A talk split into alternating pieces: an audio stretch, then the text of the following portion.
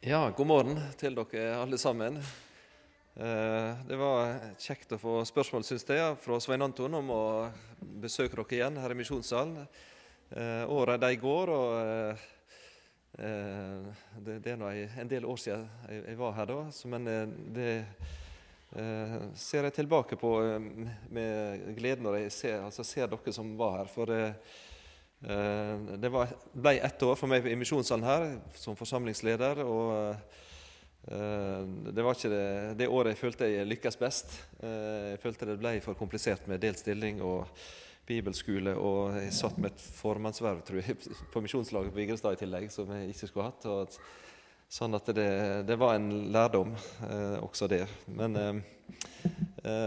det som, som, som for meg er misjonssalen, det er det er, er, dere som personer og ansikter som jeg, som jeg virkelig Jeg følte jeg hadde dere med, og jeg og følte at det var virkelig eh, en tid for meg der jeg, jeg, fikk oppleve Guds velsignelse også. Eh, nå er jeg på Fjelltun bibelskole ennå. Eh, det får av og til liksom spørsmålet er du der ennå. så det er nok kanskje et tegn på at en har vært for lenge, da, men er en av det, da. Uh, Fjelltun bibelskole det er Jeg eh, kan bare si noen få ord om det uh, først. Det er litt forandringer på gang der. Vi hadde avskjed med Oddgeir Nordland nå for noen få dager siden. Han slutta som rektor. Egentlig er det to år siden han ga beskjed at han ville bytte, men det har tatt sin tid. slik at han slutta, og så er det Jonny Vågen som er konstituert for ett år. Eh, så er det ansatt eh, en prosjektleder, eh, forhåpentligvis. De hadde styremøte nå den, på fredag, og det var en, en, god del søkere på en sånn prosjektlederstilling, og de har ansatt, eller i hvert fall tilbudt en mann den stillinga som hadde søkt. Han skal arbeide med bibelskolen og med tanke på, på dette å, å, å, se på en fornyelse. og da tror jeg tanken er at en skal ta vare på det beste i det som har vært, og prøve også å finne eh, nye veier inn med tanke på eh, bibelundervisning og for, formidling. Eh, en, bibelskolen er nå knytta tettere opp til NLM Ung også, eh, og det synes oss er positivt. Eh, for av og til så har en følt kanskje at bibelskolene har stått litt for seg sjøl og stått litt alene med sitt, og så har organisasjonen og NLM og NLM Ung holdt på med sitt. Eh, så det kan hende at det kan bli bedre, da. Eh, sånn at det, eh, der er ei veldig opptatthet av i, jeg tror i folket vårt og i organisasjonene av opplæringer. Og jeg tror en, flere og flere ser fruktene av at det norske skolevesenet, der kristendomsopplæring og alt er borte. Slik at en møter flere og flere som har mangel på kunnskap og vet veldig lite om, om hva, hva Bibelen sier. Ehm, så både i Den norske kirke da, og i organisasjonene så er en opptatt av, av opplæringa, og der kommer bibelskolen inn som et uh, ledd i det. Så det blir veldig spennende for Fjelltun å se. Um, der er ganske godt med søkere til høsten. Og så hadde jeg litt lite nå, i, spesielt i høst. Nå hadde vi vel 19 som, totalt som slutta nå, men der er vel en 5-26 som er bekrefta til høsten, tror jeg. Eh, en liten forskjell på det fra tidligere år er at det, er ganske mange med utenlandsk bakgrunn. Eh, det og så har jeg alltid hatt det så lenge jeg har vært der. Eh, to og tre og fire og sånn. Men denne vinteren så har vi hatt ganske mange. Faktisk flertall utlendinger. Flere enn norske. Og det ser ut til at høsten blir nokså like på det. Det som er vanskelig på det, er selvsagt kultur. Det er tru. Mange av de som kommer, har katolikker. slik at Vi har hatt eh, katolikker både fra Sør-Amerika og fra eh, Filippinene. Og, så har hatt tre evangeliske fra El Salvador. Eh, som eh, kan lite engelsk og lite norsk, og mest spansk. Så da ser dere at da er det litt vanskelig. Men eh, og så har jeg et samarbeid med IKF, slik at de hver torsdag er inne hos oss. Og jeg har hatt en formiddag med et engelsk opplegg som de kaller Firm Foundation. og Det har delt klasser da. Um, men det, det, har sine utfordringer med kultur, og dette skal få dem til å integrere dem. og uh, Han som er leder i KIA, han sier at uh, ofte så er det maks 30% eller i alle fall maks 40% som, og er det over det av utenlandsk eller internasjonal gruppe, da er det ikke lett å integrere. Da blir det mer at det blir så, så jeg vet ikke helt om vi har lykkes i vinter med å få det til, men eh, det er iallfall hverdagen vår slik. Så, så er den mest internasjonale bibelskolen i NLM akkurat nå.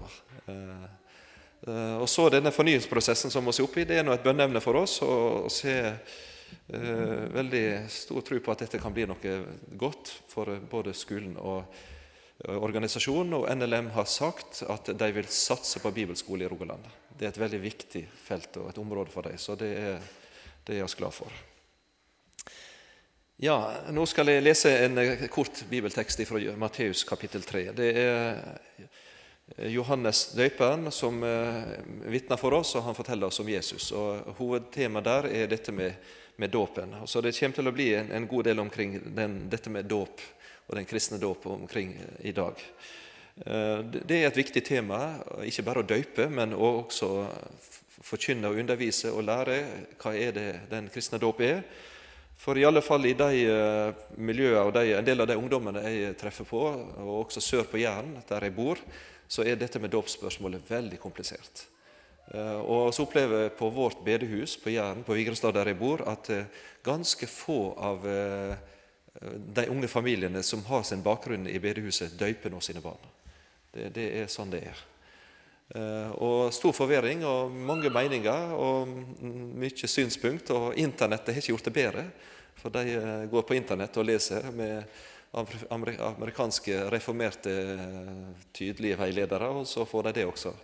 Eh, og så det at det er ulike teologier ute og går. Eh, så Nå skal vi lese disse bibeltekstene fra Matteus kapittel 3, vers 11. Jeg døyper dykk med vann til omvending, men han som kjem etter meg, er sterkere enn jeg. Jeg er ikke engang verdig til å bære skoene hans. Han skal døype dykk med Den heilage ande og eld. Han har kasteskovla i si hand og skal reinse tresjestaden sin. Kveiten skal han samle i løa, og med agnene skal han brenne opp med eld som ikke sluttjast. Skal oss be. Himmelske Far, jeg takker deg for at vi har Bibelen å gå til. Takk for at oss er en trygg grunn å stå på. Guds løfte står fast i alle situasjoner. Og jeg ber Herre at oss i gudslivet vårt og truslivet vårt at oss ikke rotes bort i det. At oss hører på mennesker og bygger på dem, eller føler på våre egne følelser og våre egne tanker og tenker at det er øverste eh, sjef. Jeg ber Herre at det er de stemmer i Bibelen at den kan gi oss rettledning, og at den kan gi oss trøst og tukt. Og spesielt i de tider da vi føler livet floker seg til og går i stykker og er vanskelig, at vi kan ha det som den faste grunn å stå på. Velsigne de, de ordene jeg tenkte å minne om, i Jesu navn. Amen. Ja, Jeg vet ikke helt hvor komplisert dette og vanskelig dette dåpsspørsmålet har vært for deg sjøl eller dere som er her inne personlig. Eh, for meg så har det nok eh, vært et spørsmål som jeg har kjempa en del med eh, sjøl. Og det er pga. at jeg møtte noen ulike syn på dåpen allerede fra min oppvekst. Mor hun er pinsevenn, og yngstebror er pinsevenn. Og Nå var ikke det menighet på øya der jeg bodde, men eh, eh, det, det, gikk på søndagsskolen hos ei som var pinsevenn, som hadde på eh, søndagsskolen på skolen. Og Da ble jeg presentert med dette med dåpen også, på en litt annen måte. Og Nå ble jeg på en måte en, en fram, fram til ei bevisste tru på bedehuset, så det er liksom der jeg har havna. Men likevel så har jeg i min heim og min slekt og mine søskenbarn og ulike nok møtt dette med dåpssynet ganske sterkt i oppveksten. Som tenåring husker jeg, jo da kunne en være ganske sta og påståelig sjøl og trodde at en visste alt. Så kunne det hende at en havna i litt sånn diskusjon. da. Hva er dåpen? Det kan hende du sjøl har, har kjempa med det. Hva skal jeg tro, og hva skal jeg mene? Og av og til så skulle en ønske hadde, Tenk hvis Bibelen hadde vært enda litt tydeligere på det som den, den kristne dåpen er.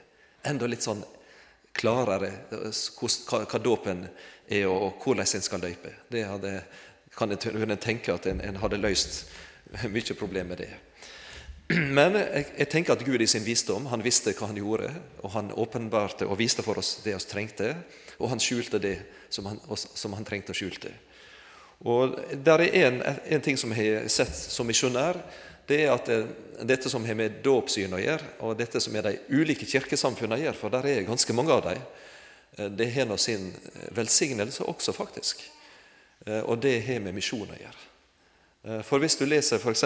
historien til Tanzania, det landet som jeg har bodd i noen år, så vil du oppleve at når de kom til Tanzania og skulle starte kristent arbeid og misjon, så var ikke det alltid bare åndelige spørsmål som dukka opp.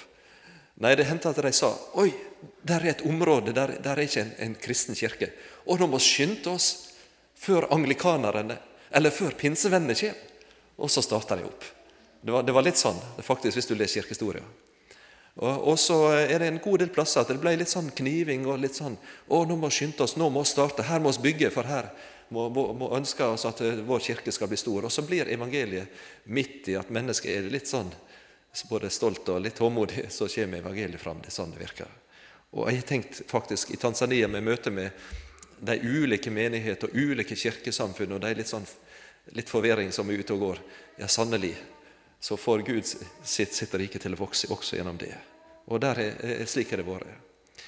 Det som er viktig å si, er at eh, den lutherske kirka som oss hører til, er den som har minst problem med den kristne dåp. Eh, når ute i Tanzania, hvis der er, en møtte noen som var døpt før eh, med den kristendåpen, det gjelder f.eks. en katolikk, så, og, og er døpt i navnet til Fader, Sønn og Hellig Ånd, så ble ikke han døpt på nytt. Nei, han ble bare tatt opp i forsamlinga og fikk opplæring, selvsagt, men dåpen den var der. Eh, mens andre kirkesamfunn de er veldig problemer med dåpen. Og de døper om igjen om igjen hele veien.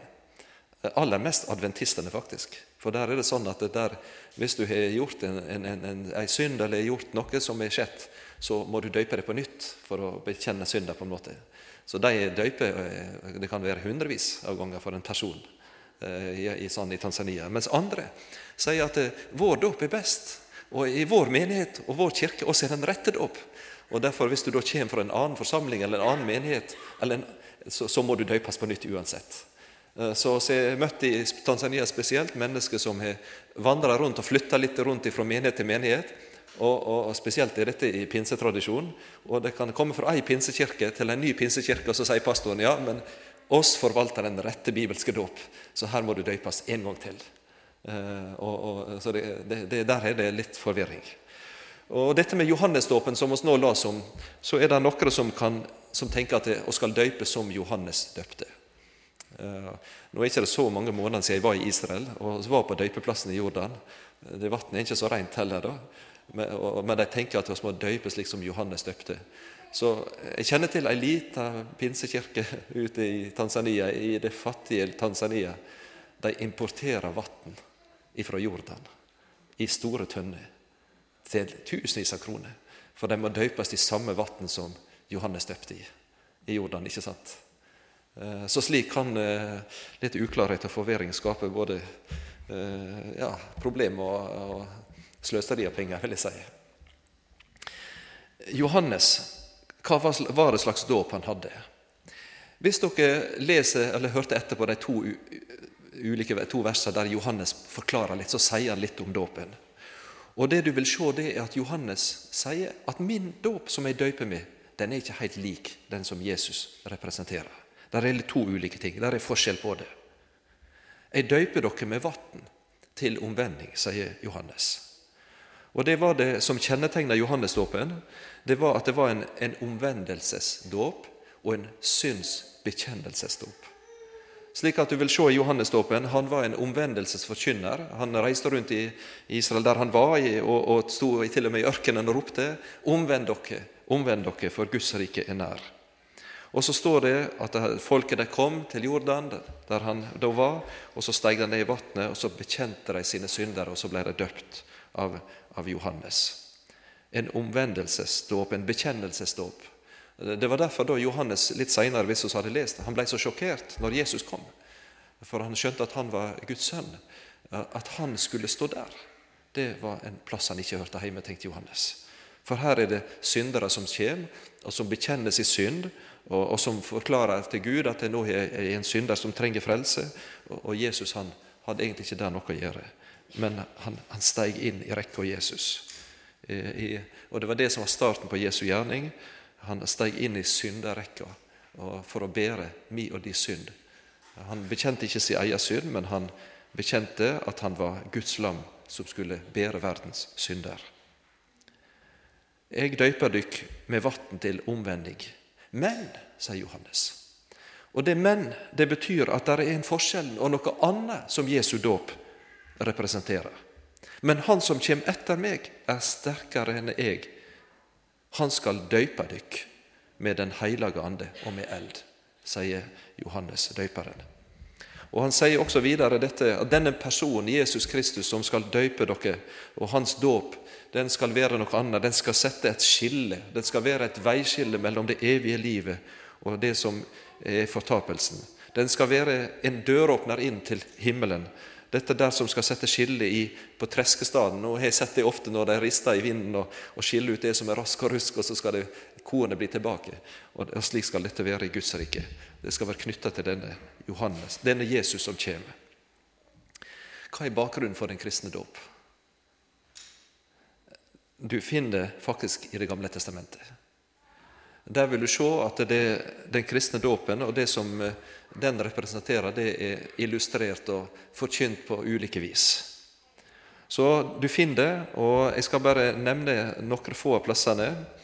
En av lesetekstene på søndagen i dag den er henta fra 2. Mosbok kapittel 14. 15-22, eh, og det er fortellinga om da Israel ble stående fast på bredden av havet, og egypterherren kom stormende etter med, med, sine profesjonelle soldater og skulle ta dem. Og så kom havet på ene sida, egypterherren på den andre, og de var helt fastlåste. Og så ser dere jo Moses som får beskjed av Gud at eh, dere skal være stille, Herren skal gjøre det, Herren skal gripe inn. Og så vet dere, Kjenner dere til historien fra Bibelsoga ikke sant? når dette Røde havet, dette stengte veien, som ingen mennesker hadde tenkt at det var mulig for Israel, disse mange hundre tusen mennesker, gamle og unge barn, som nok ikke kunne svømme, og de kunne ikke komme over. Da plutselig så åpna havet seg, og så gikk det et tørrskodd over, ja, på bunnen av sjøen. Et, et, et voldsomt uventa og dramatisk bilde som ble et veiskille for Israel, som de minnes og Paulus, når han skal forkynne om den kristne dåp, så tar han fram noe av dette. 1. Korinterne 10, 1-2, så nevner han på dette som, uh, som noe av det som, som, er et bilde på den, på den kristne dåpen. Og Da leser jeg det. Jeg vil ikke, brør, at det skal være uvitende om at fedrene våre alle var under skya, og alle gikk gjennom havet. Alle ble døypte til Moses i skya og i havet. Her ser vi at Paulus tenker på dette som et forbilde på dåpen. Det er faktisk at denne, dette havet som åpner seg, og dette vannet som setter skille, der Israels folk gikk gjennom og ble berga fra undergang og fienden, det er et forbilde på den kristne dåp, sier Paulus, som Israel fikk oppleve. Og de vandrer under. Og det var, vet dere, Hvis dere tenker på Israel som de var, der var de i alle aldre. De var gamle, de var voksne i sin beste alder, og det var små barn. Alle var med. De vandra under, under dette i dåpen der. Så det er et forbilde på dåpen. Nå er det tidligere bilder på dåpen. Og Et av dem det er dette som skjedde med Noah, med syndefloden. For der var det store mengder vann. ikke sant? Og Der var denne, denne dommen som var over, over folket, og fordi de, de synda og de, de forakta Gud og vendte Gud ryggen. Og så Gud i sin rettferdighet så ville han gjøre slutt på det. Og så var det ei familie, og det var Noah og hans familie, som, han, som var rettferdige. De trodde på Gud, og så ble de rettferdighetsforkynnere. Og så bygde han denne arken, denne båten, som han putta folk og dyr inn i, som Gud på en måte leda dem inn i og stengte døra i. Og så skriver Peter at det var et forbilde på den kristne dåp, sier Peter. Det er fra 1. Peter kapittel 3. Der står det de hadde vært ulydige i Noas dager, den gangen Gud venta tålmodig medan arka ble bygd. Og så står det om denne arka, denne båten. I henne ble noen få mennesker, åtte i tallet, frelste gjennom vann. Og så sier Peter apostelen, med tanke på det Dette Altså at Noah og hans familie ble frelst ifra undergang. av Dette er et bilde på dåpen, sier Peter apostelen, som nå, frels, som nå frelser dykk òg. Slik eh, knytter apostelen Peter, fiskeren fra Galilea, frelse og dåp sammen. Han, han løsriver ikke det. Dåpen er ikke å vaske kroppen ren for skit, men ei bønn til Gud om et godt samvitt i kraft av Jesu Kristi oppståelse. Dette handler om frelse og evig liv. Denne dåpen som det er knytta til. Denne eh, Noah-dåpen med arken som ber oss gjennom. Og akkurat som arken på en måte er et bilde på dette som ber oss gjennom, så er det et bilde på Kristus som berger oss. Så er det enda et bilde fra Det gamle testamentet. Og det går på Israels liv. Eh, det går på dette at de I Israels sine forskrifter så var det eh, altså masse regler og, og mange ting. Hvis du leser Det gamle testamentet og Mosebøkene, så vil du se det. Altså Det som blir kalt for seremoniallovene og alle ting hvordan de skulle gjøre. Det var så detaljert med, med klesplagg og, og hvordan de ting de skulle forordne dagene sine, og hvordan de skulle være. Og Spesielt var det knytta til dette som blir kalla for gudshuset deres i gamle pakt. Dette med, med tabernaklet først, og senere tempelet som ble bygd. Og det var ingen tilfeldigheter. Alt var ordna etter sitt slag. Det var, Måla ble lagt, hva slags eh, dimensjon det skulle være, eh, hva slags materiale det skulle være. alt Plasseringa på alle tingene, hva som skulle være inne i huset, var lagt. Og så ble dette laga til. Og slik så var det forskrifter for alt som skulle gjøres. Det var veldig regulert. Det er én ting som du kanskje har lagt merke til knytta til Israels folks historie. Det er dette med offeret. Det er dette at det ble ofra masse dyr. Eh, og det er ulike dyr. Det var brennoffer og takkoffer og syndoffer. Det ble lagt på alteret, og det var okser, og det var sau og lam, og det var forskjellige dyr, og det var duer og forskjellige dyr som ble ofra. Og det måtte være et, et, et voldsomt dramatisk syn, alt det som skjedde. Men det var ikke bare alter. Og det var ikke bare offer, det var også vann. Slik at knytta til gudstjenesten og til dette fellesskapet med Herren i den gamle pakt, så var vannet viktig. Det var med helt fra starten. Nå, for, eh, Før jul så var jeg i Israel, og da var jeg kjempeheldig. Jeg fikk oppleve én ting. Det var, og så reiste sør i Israel, og da hadde Jonny eh, klart Vågen han hadde funnet et tips om en sånn nasjonalpark som var i sør. Den heter Timna nasjonalpark. Eh, rett nord for Eilat. Og der inne, helt inn i bunnen på den nasjonalparken, du, du, får noen gamle egyptiske koppergruver blant verdens eldste, og noe som heter Salomos søylegang, noen fjellformasjoner som er flotte. Men innerst inne i denne ørkenen og den nasjonalparken, der er det reist et lite telt. Og det er en tro kopi av tabernakelet Israel. Eh, helt etter mål. Og alt er som det var. Og også dro inn dit og kom inn, til dette tabernakelet, teltet i den mektige naturen, den røde og gule sanden. Så det, det ser ikke stort ut, det er nokså puslete. Men så kom vi inn der, og der møtte jeg en ting til. Det var at det, det var ei dame der. Hun var arkeolog og historiker. Ei dame fra New Zealand. Uh, og hun, Det var varmt der. Hun kom ut fra et lite sånn hytte eller en sånn rom, eller arbeidsbrakke fra sida der. Og Så kom hun ut mot oss, og så stilte hun spørsmålet er dere kristne. sa hun. Ja, det er oss. Ja, men Da skal jeg ta dere med, skal jeg fortelle, sa hun. Så viser det at det er en kristen dame. Og er forsker, har arbeidet med årevis med det her. Og så har det vært med, og så, vandra vi med denne dama gjennom tabernakelet. Fra forgårdene inn, og det store brennofferalteret, og så havet. Kobberplanet fullt av vann som et hav med vann. Før vi gikk inn i tempelet og inn i, det helligste, og helt inn til det aller helligste. Og så skjøv vi til skies kista med paktens ark, men med, med lovbudet som lå nedi. Det var helt fantastisk. Det var en to-tre timers bibeltime der vi fikk føle og ta og kjenne på. Og Det gamle testamentet åpna seg med ei kristen dame midt inne i ørkenen der. Vatnet, det var viktig. For alt ble rensa med vann i den gamle pakt. Og nå vet dere at I den jødiske, eh, hvis, du møter en jøde med, måltid, og alt, så, så er det håndvask. Og de vasker seg og bruker vannet til å rense alt. Og tidligere i Europas historie, når det var pest og alt, og folket døde i hundretusenvis, så, så, så, ofte så gikk jødene klar. Det var en av grunnene til at det ble satt ut i rykte at jødene forgifta brønnene våre. Det er de som er skyld i all denne død og elendighet. Men det var forbi de, de vaska hendene og hadde renslighet og brukte vann. Lenge før det europeiske folk kjente til bakterier, hva som måtte til.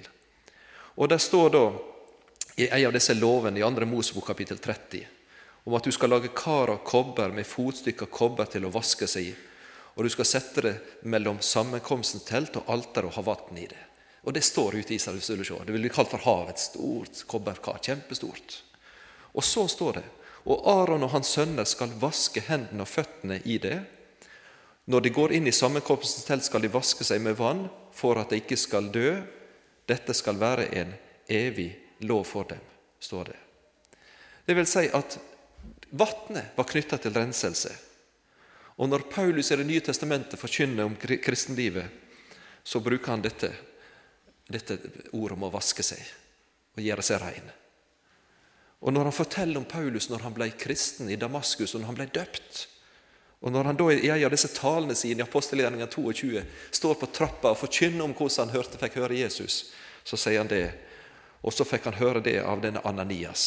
Nå, hva venter du på? Stå opp og la deg døpe og få dine synder vasket bort idet du påkaller Hans navn. Der ser han at dåpen er akkurat som en bortvaskelse. En, en, en, der en før fellesskapet med, med Herren så blir en vaska av. Syndene blir vaska av, står det. Det handler ikke om å vaske seg i ansiktet, sånn som du kanskje har gjort før du kom hit i dag, med tanke på sand, men det handler om, om, om synd som blir vaska bort. Slik at en kan stå for Guds ansikt og leve og ha fellesskap med Han. Paulus skriver det senere i Fesene om dette. Han kaller det for å, å akkurat som dere elsker deres hustruer, liksom Kristus har elsket menigheten og ga seg selv for den, for å hellige den ved å rense den ved vannbadet i Ordet, blir det kalt. Altså vann og Guds ord til sammen, som renser et menneske fra synd. Et bilde fra Gamle testamentet som blir brukt i Det nye testamentet. Så ett punkt til. Nå ser jeg klokka gå fort der det er et punkt som jeg også er veldig glad i når det gjelder den kristne dåp. Og det handler også om Det gamle testamentet. Der er én ting som kjennetegner en jøde i dag. Overalt.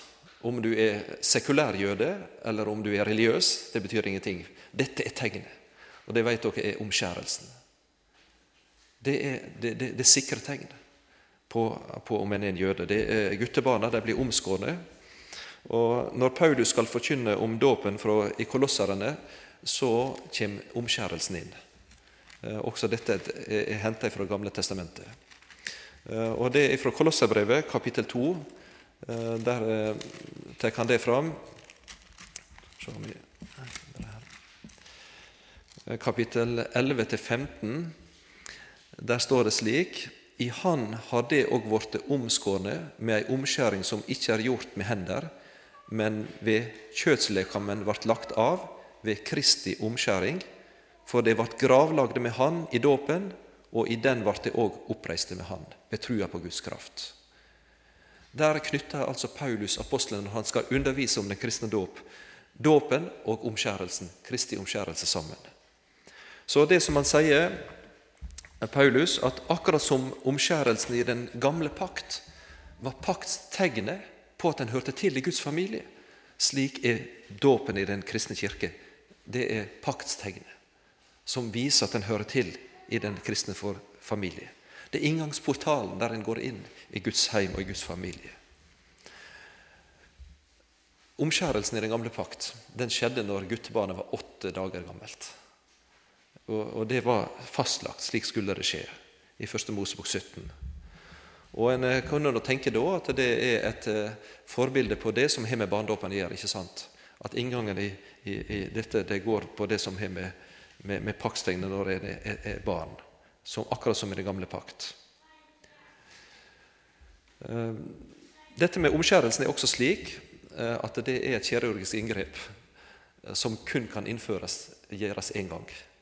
Du kan ikke omskjæres på nytt. Det er praktisk helt umulig.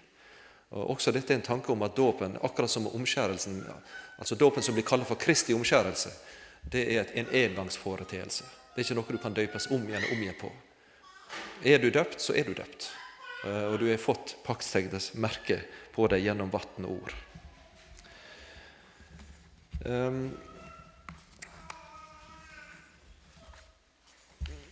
ja, så til slutt eh, et, en ting til som eh, er knytta til dette med, med dåpen. Det er noe som Paulus skriver i Romerbrevet kapittel 6. Der sier han det slik.: Veit dere ikke at alle dere som ble døpt til Kristus Jesus, ble døpt, ble døpt til hans død? Det vil si altså at en i dåpen blir begravd med Kristus og oppreist med Han til et nytt liv. Og så er det på en måte blitt gjort i ett med Kristus i hans død og i hans begravelse og i hans oppstandelse. Det er knytta til den kristne dåpen også. Eh, der er en, en fortelling som jeg fant her, det er Asbjørn Kvalbein han skriver om det, og det å bli ett med Kristus. Eh, og, og liksom bli forena med Han. Det var en fransk forfatter som heter Henry Barbos. Eh, han forteller at det var på slagmarken under første verdenskrig. Hvis du leser historien om det, så vil du se at det var hundretusener av soldater som, som døde. Det var en forferdelig blodig krig. Og På slagmarka der, der lå der en alvorlig såra mann. Og Han visste han hadde bare kort tid, kanskje minutt igjen å leve. Og Så ropte han til en kamerat mens han lå der og blødde. Dominik, Dominik, du har levd et veldig dårlig liv. Du er ettersøkt av politiet overalt, men det er ingen anklager mot meg. Nå blir navnet mitt ledig, sa han til kompisen. Her, ta lommeboka mi, ta papirene mine, ta identiteten min, og ta mitt gode navn, og ta mitt liv. Skynd deg og gi meg dine papirer og dine identitetsmerker, så skal jeg ta alle dine kriminelle handlinger med meg inn i døden. Det Slik forteller Henry Borbosi fra krigen.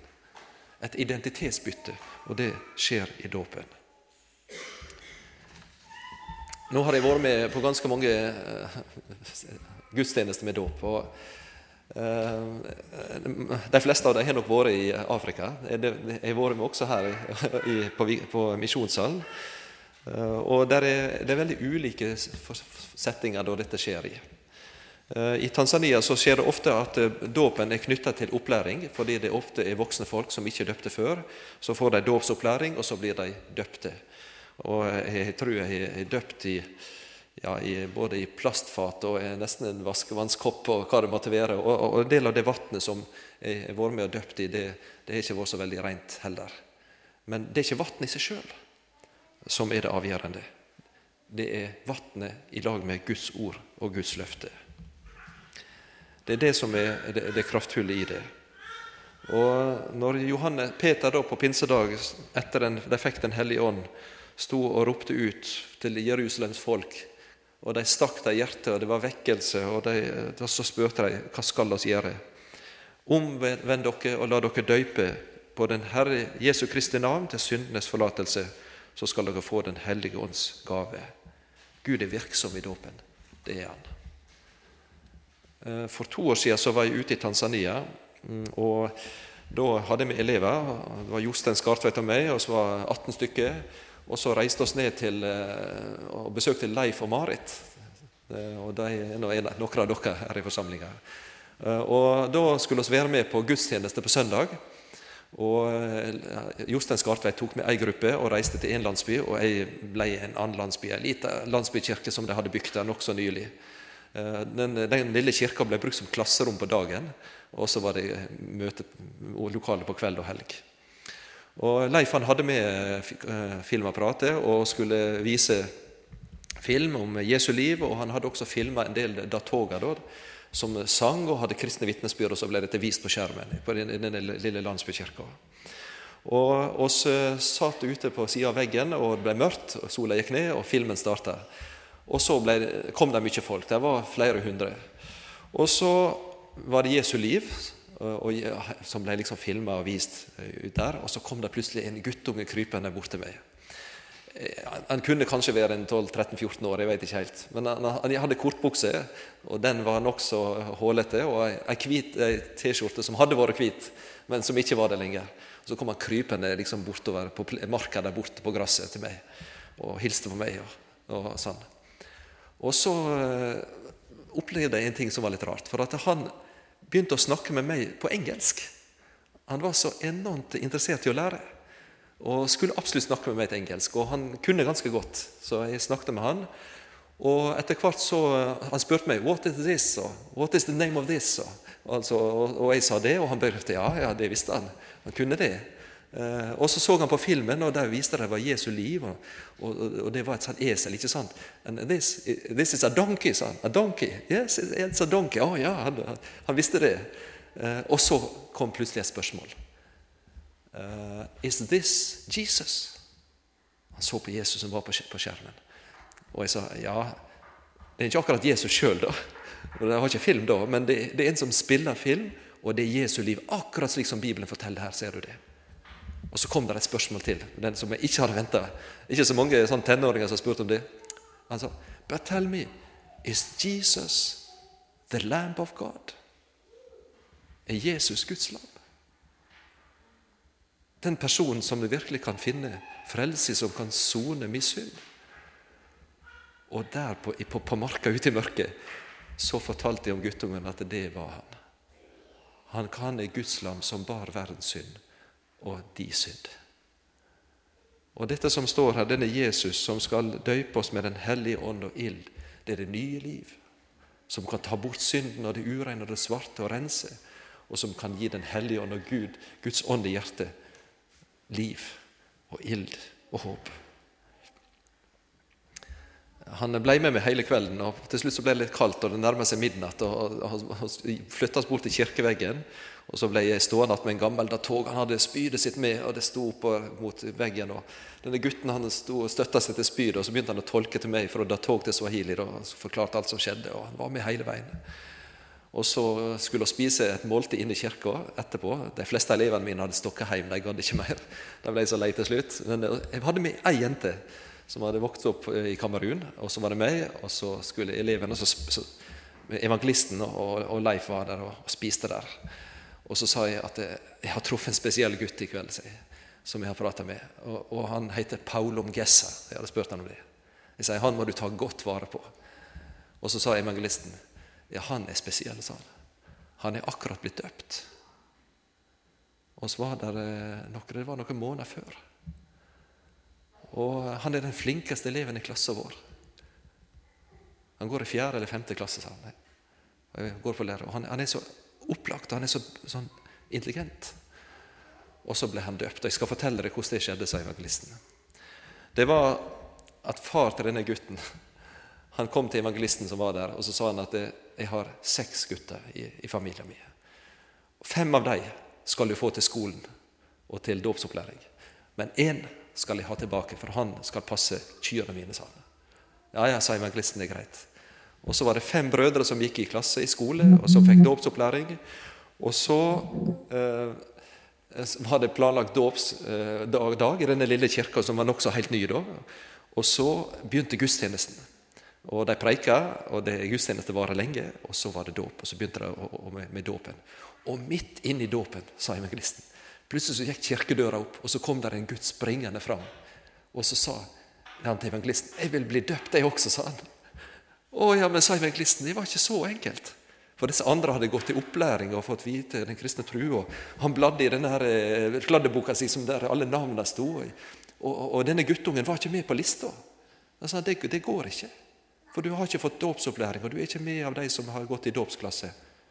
Men da begynte Paul Omgessi å protestere. Han sa at det er broren min, sa han. Og så sa denne guttungen som møtte meg på kvelden, jeg må si det, evangelist, Alt det du har lært oss og meg, det veit en. Fordi jeg har gått hjem og fortalt han det samme. Så han veit akkurat det samme om bibelhistoria, om Jesus, om Guds bud og katekismen som jeg veit. Da ga evangelisten seg, og så ble han døpt. I lag med brødrene sine. Og når dåpen var ferdig, sa evangelisten, så sprang han ut igjen. Tilbake til dyra til far. Han hadde stokka av, ikke sant? Så sprang han tilbake til dyret og ble der. Han hadde blitt en, en kristen. Hadde bekjent Jesu navn og hadde fått paktstegnet. Åpninga inn til Guds rike. Det er så enkelt at en nesten ikke kan tro at det er sant. Men slik bygger Gud sitt rike. Og en dag så vil du se forskjellen. Når den samme personen og de samme Jesu navnet stiger fram, så vil skillet finnes der. Da er det viktig at vi ser paktstegnet og trua i hjertet, Den hellige ånd i hjertet. Jesus, oss takker deg for at vi eh, skal få komme til deg.